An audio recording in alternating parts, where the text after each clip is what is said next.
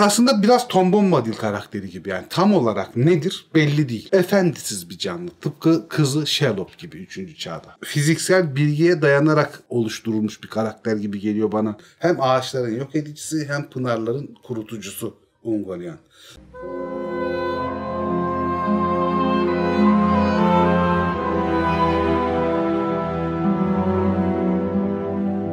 Merhaba Zafer abi. Merhaba başkan. Karakterler serisi başladığından beri herhalde bir yüz kez sorulmuştur bu. Neden işlemiyorsunuz, neden işlemiyorsunuz? Yalnız bu karakterin ilginç bir tarafı var. Yani bir hikayesi var ama gerçekten karakter özelliği gösterecek pek bir yönü yok. Bakalım var mı? Onu da Zafer abi anlatacak. Bu hafta Varda'nın kuyularını kurutan, iki ağacın ışığını içerek ağaçların sonuna getiren, tamamen karanlıktan gelen bir karakter işliyoruz. Ta ta ta tam. Ungoliant işliyoruz bugün. Ungoliant. Zaten söylenebilecek her şeyi söyledim ben abi. Evet. Bölümü kapatabiliriz. Bölümü kapatabiliriz. Evet, Ungoliant. Dinleyen arkadaşlara çok teşekkür ederim. Ungoliant böyle bir karakter. Böyle bir karakter. Karanlığın çok seven bir karakter olduğu için ışıkla renklendirelim ortamı. Gıcık oldum çünkü. Karanlığı niye sever ki bir insan demeyeceğim. Neyse işte neydi. Karanlığı ben de severim. Niye çamur atıyor? Abi ben sevmem bak. O yüzden seni renklendiriyorum. Ya şey karakter özelliği taşımıyor derken bir konuşması bir şey yok ki abi. Tabii öyle şey değil. Çok temel özelliklerini biliyorsun yani işte durmayan bir açlığı var hani o kadar. Belki Hristiyanlıktaki Ben de onu bir soracaktım. oburluğu temsil ediyor belki de. E, Tolkien'deki bu hani örümcek meselesinin bir temeli vardı onu sen eskiden Ha ya şey abi. çocukken ayağını bir tarantula sokuyor iyice küçükken çorabının içine girmiş bir tarantula sokuyor ve şey diyor daha sonra yok benim örümcek korkum da yok o olay da beni etkilemedi diyor ama muhtemelen etkilemiş. bilinç altında diyorsun. Çünkü şeyde de yani Yüzüklerin Efendisi'nde de Silmarillion'da da iki temel çok korkutucu kötü yaratık olarak örümcek seçilmiş. Hobbit'te de var Hobbit'te örümcekler. de var tabii. Ya şey var bir de örümcek hani korkutucu bir canlı olarak kabul ediliyor. Onun sebebi de şey dünyada en fazla hani fobia denilen korku rahatsızlığında ikinci sıradaymış. Arachnofobia, Örümcek mi? Örümcek korkusu. Arachnofobia deniliyor. Arakna niye deniliyor? Arak neden deniliyor. İşte Araknid. dokumacı arak neden Yunan mitolojisinden rastlıyoruz orada. Örümcek yani pek çoğu için çok korkutucu bir canlı. Pek çoğu ve sen Ben korkarım örümcekten. Yani eskisi kadar korkmuyorum. Bir fobi değil şu anda görsen ama yine korkarsın. gene de hoşlanmam yani. Önceden çok ciddi korkardım yani. Çok bayağı panikletici bir korku vardı çocukken falan. Ama şimdi öyle değil. Yani önceden resimlerine falan bakarken ürperirdim öyle düşün. Yani belgeselini izleyemezdim. Şimdi öyle değil. Şimdi hatta duvarda görsem bile sıçramıyorum etmiyorum. Öyle bir şey yok. Vay büyük gelişme. Büyük gelişme hakikaten ama örümcekten hoşlanmam. Yani korkarım örümcekten, rahatsız olurum öyle değil. Oysa da bayağı yararlı hayvanlardır normal hayat olarak düşünürse çok yararlı hayvanlar yani. Evet abi. Ungoliant devasa bir örümceğe benziyor. Direkt örümcek diyemeyiz aslında. Ama hani devasa bir örümcek şeklinde. Bunun birçok şeyi var, kıstası var şey olarak. Diyorlar ki işte o kadar büyük ki Melkor'un saracak kadar. E Melkor'un genel tasvirlerine bakarsan apartman kadar. O onu komple sarabilecek kadar büyükse o da apartman kadar bir yaratık falan. Ama ortalama olarak şey diye kabul ediliyor bu araştırmacılar tarafından. Ungoliant bir otobüs kadar büyük bir örümcek diye kabul ediliyor yani tahmin ediliyor. O Yok, kadar da büyük değilmiş ya. Tabii ya sen terdik öldürürsün onu. Yapabilirim. Ungoliant aslında biraz Tom Bombadil karakteri gibi yani tam olarak nedir belli değil. Yani Tolkien tarafından da tam olarak açıklanmıyor. Hani bir Vala olmadığı kesin ama Maya olabileceği söyleniyor. Ama Maya listelerinde de ne Morgoth'un yüzüğü cildinde ne de Mücevher Savaşları cildinde Maya listesinde gözükmediği için Maya olma ihtimali de çok düşük. Daha çok şey diyorlar. Karanlığın içinden doğmuş kötücül bir canlıydı hikayesi var. Kötücül bir ruh olduğu söyleniyor ve mutlak siyahı temsil ediyor. Cem fizikçi olduğu için daha rahat anlayacaktır. Mutlak dediğin yani zaten mutlak siyaha ulaşılması mümkün değildir renk olarak. Ama olabildiğince bir şeyi en yakın şekilde mutlak siyah haline falan getirip herhangi bir şeyin orta mesela elinin ortasına koyarsan orası boşluk gibi gözükür. Yani siyahın öyle bir özelliği vardır. Her şeyi kapatır. Hiçbir şey göstermez. Gerçek siyah dediğim böyle bir şey. Ve bu fiziksel bilgiye dayanarak oluşturulmuş bir karakter gibi geliyor bana Tolkien tarafından. Çünkü o da mutlak bir görünmezlik sağlayabiliyor. Öyle bir görünmezlik sağlıyor ki Arvalin'de, Valinor'un güneyinde yaşarken kimse onu fark etmiyor. Hatta biraz kara delik gibi güneşin ışınlarını bile emiyor. içine alıyor. Ha, bayağı bir kara delik gibi Tamamen bir gücü delik var. zaman. Ağlarıyla da bu karanlığı oluşturuyor. Yani yok bölgeler yaratıyor aslında. Morgoth inerken orta dünyaya gökyüzünden orta dünyayı çevrilen karanlık bir boşluk var. Karanlık ve boşluk olduğu söyleniyor orta dünyayı çeviren atmosferin dış tarafında. O boşluktan Melkor'u takip ederek indiği de söyleniyor. Çünkü bir tasvirinde şöyle diyor. Orta dünyaya yukarıdan bakıp gördü ki çok güzel işler yapılıyor orada. Ondan sonra indi deniliyor. Yukarıdan baktığına göre ya Erun'un yanından inecek. O zaman bir Maya olması gerekir. Ya da o boşluktaki kötücül ruhlardan biri olarak aşağı Tabii ama şunu da unutmamak lazım değil mi abi? Bu canlılar ya da işte varlıklar da sonuçta Erun'un bir Tabii yaratımı. yaratısı sonuçta yaratısı. Onlar biraz Matrix'teki şey gibi bu. Vardı ya kurt adamlar bilmem ne. Neydi onlar Matrix filminde? Hacker programlar. Aynen, Yani ko- programların kodları bozulmuş gibi. Yani bunlar da aslında yaratım sürecinde belki de kodları bozulmuş ruhlar denilebilir. Onun hakkında da daha fazla bir şey bilmiyoruz. Yaratılış olarak ne olduğunu bilmiyoruz. Ben Maya olduğunu düşünmüyorum. Kötücül ruh demek daha doğru geliyor. Yani bir, bir şekilde bozulmuş çok güçlü bir ruh olduğunu söyleyebilirim gibi geliyor bana. Çok önemli sonuçları var bu Ungoliant'ın şey üstünde orta dünya üzerinde birinci çağda. Melkor işte şey kaçtığı zaman güneye doğru Valar'dan cezasını çekip arada fitne çıkartıp sorunlar çıkartıp da şeye kaçtığı zaman orada tesadüfen karşılaşıyor Ungoliant'ın mağarasında. Ve Ungoliant'ın mağarası tamamen ağlarla falan örtülü ve neredeyse görünmez. Onu Melkor görebiliyor falan. Melkor işte orada Ungoliant'a şey teklif ediyor. Benim planlarıma dahil olursan sana iki elimle tuttuğum her şeyi vereceğim. Sana ağaçların ışığını sunacağım falan deyince ayartılıyor Ungoliant'ta. Melkor'la beraber hatta Melkor'un o inanılmaz zor tırmanacağı belki de tırmanamayacağı yükseklikteki Penelgir dağlarını aşmasını sağlıyor. Bunlar işte güney tarafından Melkor'la beraber Valar'ın yaşadığı bölgeye giriyorlar ve oradan da ilerleyerek bunu ilerleme görünmeden ilerlemesini sağlayan gene Ungoliant'ın yarattığı mutlak karanlık sayesinde ağaçların dibine kadar gidiyorlar. Ağaçları zehirliyor. Aslında ağaçlar e, bütün öz suları emildiği için ölmüyorlar, çürümüyorlar. Ungoliant tarafından ısırılıp suları emilirken Ungoliant'ın ağzındaki sıvılar da ağaçların damarlarına geçmiş oluyor ve zehirleniyorlar. Aslında zehirlenerek yok oluyor ağaçlar. Daha sonra da işte şey pınarları emiyor. Pınarları kurutuyor şeyin Valinor'un. Hem ağaçların yok edicisi hem pınarların kurutucusu Ungoliant. Daha sonra da gene Melkor'la beraber şeye kaçıyorlar. Orta dünyaya kaçıyorlar. Kuzey tarafından dolanıp Helcarax'den geçerek. O sırada işte Melkor'la ilk fikir ayrılıkları oluyor. Çünkü bütün o ağaçların suları, Valinor'un pınarları falan kurutulmuş. Mücevherleri istiyor. Ne oldu? Mücevherlerini istiyor. Valinor mücevherlerini. Melkor da sözünü tutarak aslında o mücevherleri de şeye veriyor. Ungoliant'a veriyor. Onları yedikten sonra diğer cebinde de elinde de şey var diyor. Mücevherler var. O mücevherler Silmariller. Üç tane. Üç Silmaril'in de isteyince Melkor da buna yanaşmıyor. Lamont bölgesinde Orta Dünya'da Lamont'ta sinirleniyor. Sen sözünü tutmuyorsun diye o ağaçların suyuyla, pınarların suyuyla ve ne olduğu mücevherlerinin gücüyle, büyülü gücüyle falan o kadar irileşmiş, korkunç bir hale gelmiş ki Ungoliant Morgoth'u sarmalıyor karanlığıyla beraber. Neredeyse yok edecek yani bir Vala'yı öldürebilecek güce sahip olmuş oluyor o sırada. Her durumunda Melkor'la baş edebilecek biri değil. Ama o sırada inanılmaz bir güçle dolanıyor. Çünkü hem ağaçların suyuyla muhteşem bir besin kaynağı Tabii hem şey mücevherler. lazım abi. Yani sonra ağaçlar dediğin ışık Yaşam kaynağı, kutsal ağaçlar onlar, tanrısal ağaçlar. Yani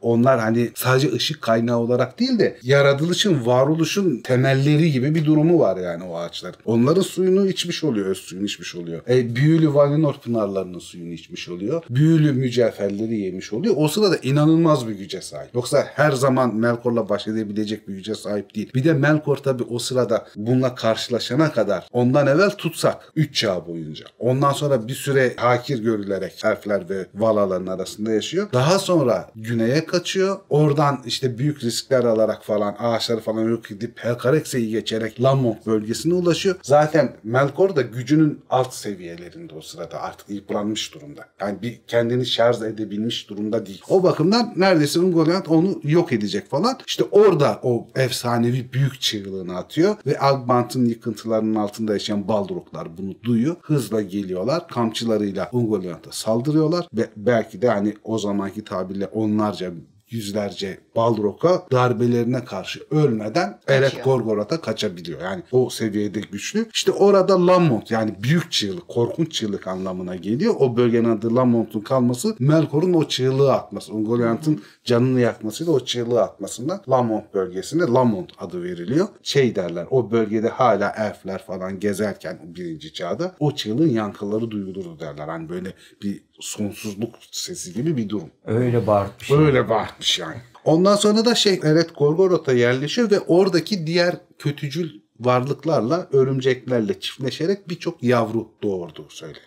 Orada bir süre yaşıyor ve oraları hem elfler için hem insanlar için hem de orklar için geçilmez bir hale getiriyor. Kimse o bölgelerden geçmiyor çünkü su, pınarları da suları da içtiği için zehirli yani yaşayacak bir şey yok. Artı birçok örümcekle, devasa örümcekle ve Ungoliant'ın kendisiyle kaplı bir alana dönüşüyor. Orası tamamen onun bölgesi haline geliyor. Korkunç bir bölge haline geliyor. Gondolin'in düşüşünde birinci çağın sonlarına doğru iyice güneye yerleşti. Orada yiyecek bir şey bulamadığı için inanılmaz obur bir canlı. Yani doymuyor. Hiçbir şeye doymuyor. Özellikle ışığa hiç doymuyor. Sürekli yemek istiyor. Hep sürekli tüketmek istiyor. Aç kaldığı, yiyecek bir şey bulamadığı ve o yüzden de kendi kendini yiyerek kendini öldürdüğü söyleniyor. Ungoliant'ın baş edemediği tek karakter aslında yani onu çok engelleyen karakter Melian. Çünkü Doriath'a girmek istiyor. Eret Gorgoroth'un hemen güneyinden Doriath'a girmek istiyor. Melian, Melian kuşağıyla beraber Ungoliant'ın oraya geçmesini engelliyor.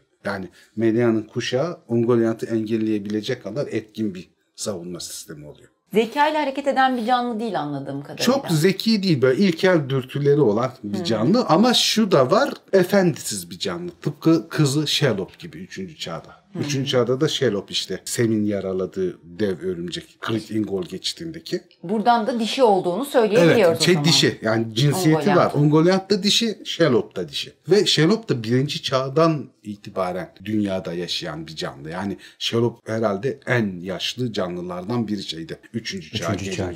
En yaşlılardan biri. Kirdan var tabii ondan daha yaşlı falan ama gene de en yaşlılardan biri. Yani çok üç çağdır yeryüzünde olan bir canlı. Ungoliant göndermesi diğer kitaplarda neredeyse hiç yok. Silmarillion haricinde külliyatta. Ama bir kere Radagast bahsediyor. Bu örümcekler hikayesi olduğu zaman bunların hepsi diyor şey Ungoliant'ın yumurtaları, yumurtlamaları. Öyle bir kelime geçiyor. Bir de bir oyunda geçtiğini okudum bir yerden. Bir oyunda adı geçiyormuş Ungoliant'ın ama hani ben oyunlar hakkında bilgili olmadığım Cem onu belki bilir. Tam bilmiyorum. Duymadım Benim sanki. işte Shadow of War'da Shiloh var. Evet Mordor'un gölgesi oyununda geçiyormuş. Ama tamamlamadım ben de onu. Ha, şey diye ki. geçiyor diyorlar zaten. Engoliant'ın son kızı Sherop diye geçiyormuş. Ya Yani doğrudur. bir kelime, bir cümle olarak geçiyormuş. Etimolojisine gelirsek şöyle bir durum var. Sindar'ine yakın bir form Ungoliant ama e, dil bilimcileri tam olarak Sindar'in olmadığını söylüyorlar. Daha çok Quenya Ung ve Liante denildiği söyleniyor. Bu Ung ve Liante, Ung ve karanlık, Liante örümcek, karanlık örümcek anlamına geliyor. Sindar'in formuysa diyor tam olarak şeydir. Del Dut Hink Del Duthing. Evet. O da şey korku gecesi örümceği. Aynı zamanda kasvet örende deniliyor falan. Çok güçlü bir canlı fiziksel olarak, dayanıklılık olarak, yaşam süresi olarak ve aslında beceriler olarak da ölümcül, çok kuvvetli bir canlı. Legendarium'un yani ilk kayıp öyküler falan hikayesi de biraz daha farklı anlatılıyor. Orada işte Daurin diye bir elf Ungoliant'a saldırıyor, bacağından yaralıyor, ağaçlar yok edilirken falan. İşte onun ağzından çıkan sıvılarla erimeye, yok olmaya başlıyor. Asitli bir sıvı fışkırtılmış gibi. Zaten Morgoth da şeyi öldürüyor. Daurin'i öldürüyor. Yani Vala duymasın burayı yok ederken kaçabilmek için zamanımız olsun diye. Hatta o kılıçla, Daurin'in kılıcıyla şeye saplıyor, ağaçlara saplıyor ve oradan çıkan suyu emmeye başlıyor Ungoliant. Ondan sonra da gene şey yapıyorlar beraber kuzeye kaçış hikayesi var. Kayıp öykülerle aralarında çok büyük Orada bir de şey. Tulkas'la kim bir, bir Orome Kovalıyorlar ve kovalıyorlar. şey yapmıyor işte. Gene ağlarını örerek bir karanlık bölge oluşturuyor Ungoliant. O yüzden Tulkas boşluğu dövdü diyorlar. Yani hiçbir şey göremedi. Sağa sola çılgınlar gibi yumruklar attı ama ne Melkor'u ne Ungoliant'ı o karanlıkta göremedi. Yani Melkor'un kurtulmasını sağlayan da aslında Ungoliant'ın o büyülü karanlığı oluyor. Şey diyebilir miyiz Zafer abi? Ungoliant bir şekilde de büyücü yani Büyücü gibi. bir tip evet. büyüsü var bir tip yani. büyüsü var. Yani bir özel güçleri var. Gene ilk hikayelerde şöyle bir anlatımı var. Ungoliant'ın ilk yeryüzüne iniş sırasında Melkor'un ayarttığı kötücü ruhlardan olduğu ve zamanında Melkor'un emrinde çalıştığı söyleniyor. Daha sonra Mel bağımsızlığını ilan edip Melkor'dan uzaklaşıyor Melkor'un tutsaklığı sırasında. O yüzden Melkor bunu ilk mağarasına gel- geldiğinde Melkor'a görünmemek için saklanıyor falan hani cevap vermiyor. Melkor onu işte o hediyelerle ağaçların e, yok edilmesi hediyesi, onun sıvısının hediyesi ve mücevherlerle ödüllendireceğini, ona istediği kadar yiyecek vereceğini söyleyince ortalığa çıktığı söyleniyor. Hani kandırılarak ama önceki efendisinin Melkor olduğu söyleniyor. Melkor'u öldürebilir miydi tamamen abi orada kurtarmasalardı çığlık attığında? Muhtemelen yok edecekti. Yani ruhu tamam ölümsüz Ya, ama evet bedensel olarak yok edecekti ki o konuda şey yapıyorlar hani ölümden önce bağırdı ve Balroglar tarafından kurtarıldı denildiğine göre evet yok edebilecekti Ungoliant. Örümcek olarak mı doğdu peki? Doğuşunu bilmiyoruz işte karanlık ruh olarak geldi. Hani cisimleşmesi örümcek olarak ama şey ruhen nasıldı? Yani ruhu bir bedeni var mıydı? Hayaletimsi bir bedeni nasıldı? Gerçek şekli nasıldı? Onu bilmiyoruz. Bir tane teori okudum şey diyor abi. Melkor ayı nurların müziğini bozmaya uğraşırken oluşan bozuk notalardan biridir Ungoliant diye. Aa, güzel yorum. Çok evet yani evet yani bir bir şekilde bir arıza işte orada bir parça program bir bir kırık yer yani Evet. bir bir hata ya da çok iyi şeyler yaratılırken oluşmuş atıklarından oluşmuş bir kötücül yaratık yani bir garipliği var o işin. Yalnız şey de çok ilginç abi bu Eret Gorgoroth'a yani kötülerin bile gitmiyor Gidilmiyor. olması nasıl bir yer onu O tahayyül kadar edemiyorum. korkunç bir yer, korkunç bir yermiş öyle diyorlar. En dehşet verici yerlerden biri birinci çağda. Oraya kimse bulaşmıyor yani. Doymak bilmez iştah, açlığı sonrasında o kadar artmış ki yavaş yavaş kendini de yok Kendini etmiş diye bir yiyor, tabii. yazıyor değil mi abi Tabii tabii kitapta? kendi kendini yiyerek yok etti. Bana bu durum birilerini hatırlatıyor ama.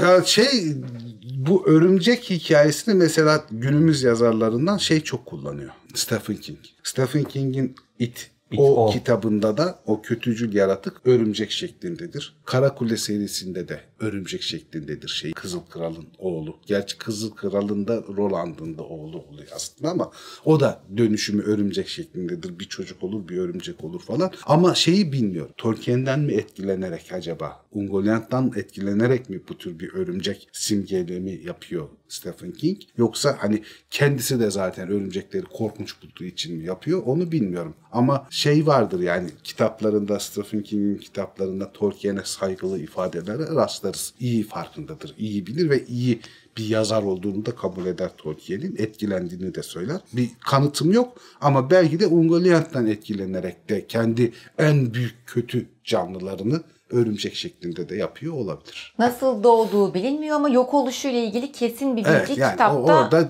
şeyde iyice Güneydoğu'da artık açlıktan kendi kendini yiyerek öldüğü söyleniyor. Çok detaylı bilgiler dediğim gibi işte şeyden History of Middle Earth serisinden Morgoth Rings'le şey War of Jewels miydi? Neydi? Bir War şey. of Jewels. Onlar da bulabilirler ama yani burada anlattığımdan daha fazla da bir şey yok hakkında bildiğimiz. Abi bence efsane ya. Bilir Abi aslında. peki dizide böyle bir karakter koyma olasılığı var o zaman. İkinci çağda yok mu? İkinci çağda yok işte. Birinci Yok mu? çağın sonunda kendi kendini yiyip. Birinci çağın sonunda mı diyor? Abi Gondolin isterlerse koyarlar sonra. ya ne olacak ki yani? Ya işte Hobbit'te vardı ya örümcekler hikayesi. O, o da onların çocukları olduğu söyleniyor. Abi filmde de koyulabilirmiş bence. Yüzüklerin Efendisi filminde. Ya bir araya Ama işte- ne? İşte tutmuyor. koydular ya. Sherlock vardı, doğru. Kızı var Shellow'u koydular. Tüh ikinci çağ olsaydı güzel olurdu. Hani Yani güçlü bir rakip Güçlü çıkıyor bir ya ortaya. Ha şey var bak onu unuttum bu çok önemli. Kayıp Öyküler'in 1926 yılındaki ilk tasvisinde falan Örendil'in Ungoliant'la karşılaştığı ve onu öldürdüğü yazıyor. Daha Öyle sonra mi? bundan vazgeçiliyor ama. Ha, öyle bir hikayesi var. Örendil e, Virilome adında o zaman.